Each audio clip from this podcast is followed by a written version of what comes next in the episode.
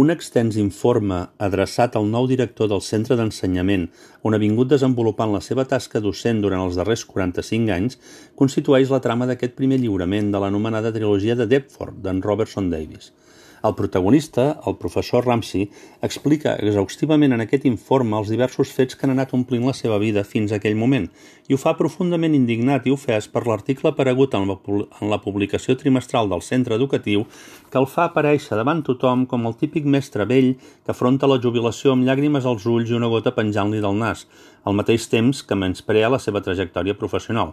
Es disposa a rebatre el contingut d'aquell pamflet certificant la plenitud i la increïble realitat d'una vida que no solament no està en el seu tram final, sinó que inicia precisament en aquests moments una etapa que es preveu fascinant i prometedorament esponerosa. És així com arribarem a conèixer la trajectòria vital del cinquè en joc. El que més m'irrita és el to de superioritat i condescendència del text, com si jo no hagués tingut mai una vida fora de les aules, com si no hagués arribat a tenir mai l'estatura completa d'un home, com si no hagués sentit mai alegria ni pena per res, ni hagués sabut el que és l'amor i l'odi, com si mai, en resum, no hagués sigut res, es lamenta el professor Ramsey en justificar la seva decisió d'enviar l'informe. D'aquesta forma, es converteix en el notari que dona fe d'uns fets que s'han anat desenvolupant durant els dos primers terços del segle XX i alhora en el punt de contacte comú a través del qual la resta de personatges de l'obra van sortir en escena. I així, sense deixar cap detall en el tinter i sempre en primera persona, arribem a veure'ns de cop immergits en la trama. Un fet fortuït i luctuós uneix des del mateix inici els tres personatges principals a la població canadenca de Deptford, des d'aquell moment, els destins de tots tres s'aniran entortolligant al mateix temps que altres actors van apareixent i desenvolupant el seu paper, fins a arribar a l'inesperat desenllaç final.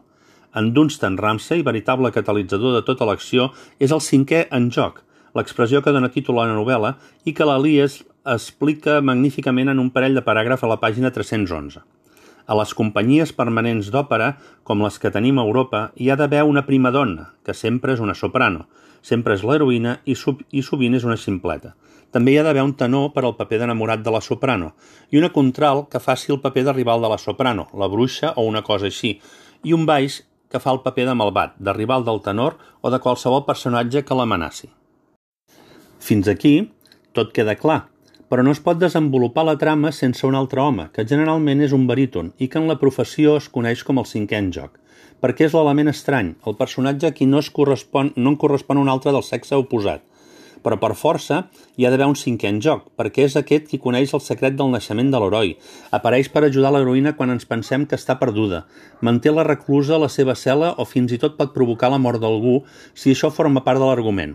La prima dona i el tenor, la contralt i el baix, acaparen els millors temes musicals i fan totes les accions espectaculars, però no es pot desenvolupar l'obra sense el cinquè en joc. Potser no és un paper espectacular, però t'asseguro que és una bona feina i que els actors que els interpreten solen tenir una trajectòria professional més prolongada que la de les veus d'or. Ets el cinquè en joc? Valdrà més que ho descobreixis.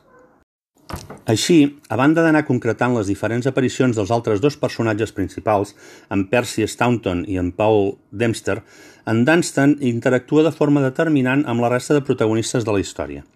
Cal posar en relleu en aquest sentit les relacions que va establint amb els seus propis pares, dels qui guarda records ben diferents, amb la Mary Dempster, la Leola, tant com a parella d'adolescència com a dona d'en Paul, l'infermera europea Diana, la senyoreta Shamklin, tieta i tutora de la Mary Dempster, l'activista Sturgeon, en qui reconeix el captaire que trobaren copulant amb la senyora Dempster, el jesuïta Ignacio, Ignacio Blazón i finalment l'enigmàtica i seductora Liesl. Tots aquests personatges enriqueixen i ajuden a perfilar en un moment o altre de la trama el d'en Dunstan, fins al punt que aquest, a la pàgina 333, comenta a mesura que ens acostàvem als 60 anys, els artificis amb què havíem cobert la nostra essència s'anaven dissipant. Hi ha un element omnipresent en el decurs de la novel·la, la culpa – aquesta sensació d'en Dunstan de ser el responsable de la desgràcia de la Mary Dempster i del naixement prematur d'en Paul, que es manté, es manté inamovible durant tota la trama. He volgut veure el símbol d'aquest sentiment de culpa en la pedra pel que el protagonista ha guardat durant tots aquells anys com a petja papers damunt del seu escriptori i que finalment és trobat misteriosament dins la boca del cadàver d'en Percy, després del seu estrany accident.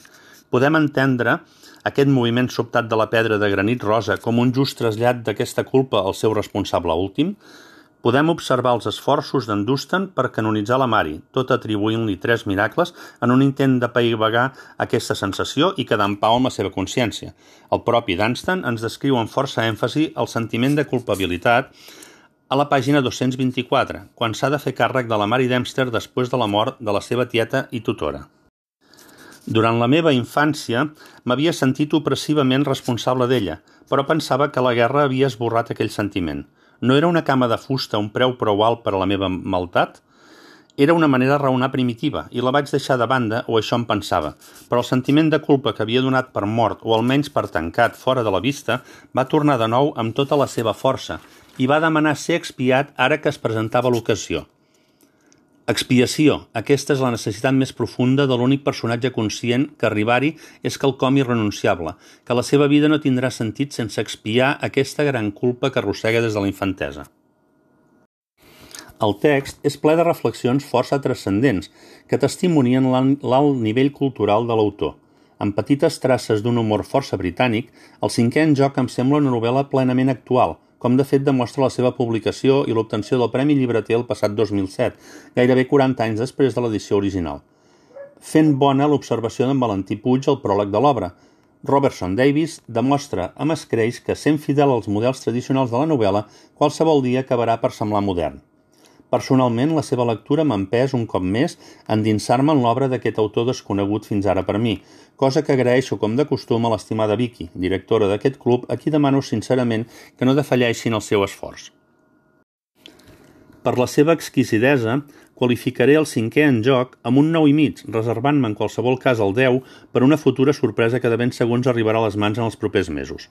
Aquest cop, tot i les frases que he anat incorporant als comentaris anteriors, sí que tinc algunes d'aquelles que vam decidir anomenar perles que us aniré llegint a continuació. Començarem dos frases on queda demostrat el fi sentit de l'humor de l'autor. Una es refereix a l'enviament dels llibres que no volien quedar-se a la biblioteca del poble a una missió, aplicant, tal com diu a la pàgina 42, el principi que els salvatges estaven disposats a llegir qualsevol cosa que els hi enviessin. L'altre descriu la creença que es tenia a Detford sobre el tètanus, una malaltia, com explica la pàgina 103 i 104, que feia que la gent s'anés doblegant fins a tocar els talons amb el cap, de manera que s'havia d'enterrar les víctimes en taüts rodons. I acabaré amb un reguitzell d'altres frases que he trobat força potents i interessants. Aquesta és una de les crueltats del teatre de la vida. Tots ens pensem que en som protagonistes i quan es fa evident que només som personatges secundaris o uns simples figurants, rarament ho reconeixem, podem llegir a la pàgina 26. He sigut un bon professor perquè no he pensat mai gaire en l'ensenyament, ens confessa el protagonista a la pàgina 160. Un noi és o bé imbècil o bé un home empresonat que lluita per alliberar-se, manifesta a la 161. M'havia imposat no parlar mai de les coses que m'entusiasmaven, perquè quan les altres persones no les compartien, cosa habitual, em sentia ferit i això reduïa el meu plaer. Per què m'apassionaven sempre coses que els altres no els feien ni fred ni calor? Llegim a la pàgina 232. I acabo amb una perla que he trobat a la pàgina 276. Quin motiu porta persones de tot el món i de totes les èpoques a buscar meravelles que desafien els fets verificables? I d'altra banda, les meravelles són creades en virtut del seu desig o el desig és una seguretat que sorgeix de la convicció profunda que no pot ser experimentada ni qüestionada de manera directa, que el meravellós és, de fet, un aspecte de la, de la realitat? Res més per avui, doncs, companyes i companys del Club de Lectura. Us desitjo un estiu ple de lectures i de felicitat. Fins a la propera. Ah, me n'oblidava. Us heu fixat on signa en Dunstan l'informe que envia el director del seu antic centre? Ho fa a Sant Gallen, curiosament un dels cantons suïssos. Vol dir això que el vell professor ha acceptat finalment la temptadora oferta de l'Alies i pensa passar amb ella la resta de la seva vida?